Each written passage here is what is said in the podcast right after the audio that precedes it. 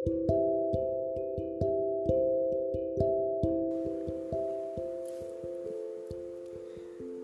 nggak sih kalian merasa khawatir dengan perihal jodoh?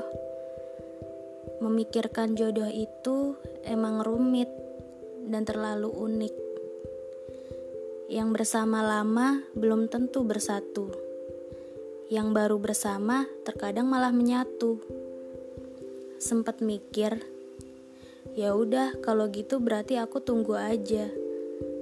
Kan nanti pasti datang juga jodohnya.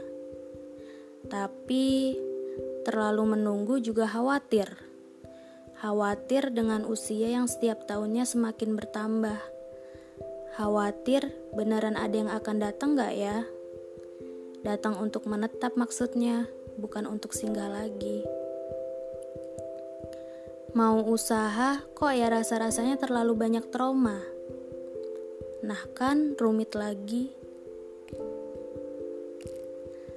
Terlepas dari rasa khawatir dan cemas tentang jodoh, aku tetap percaya kok akan ketetapannya. Mungkin hanya saja sabarku yang kurang luas, ibadahku yang kurang ikhlas. Tapi waktu itu pasti akan datang. Mungkin tidak sekarang, tapi nanti. Mungkin jauh dari harapan kamu, tapi pasti.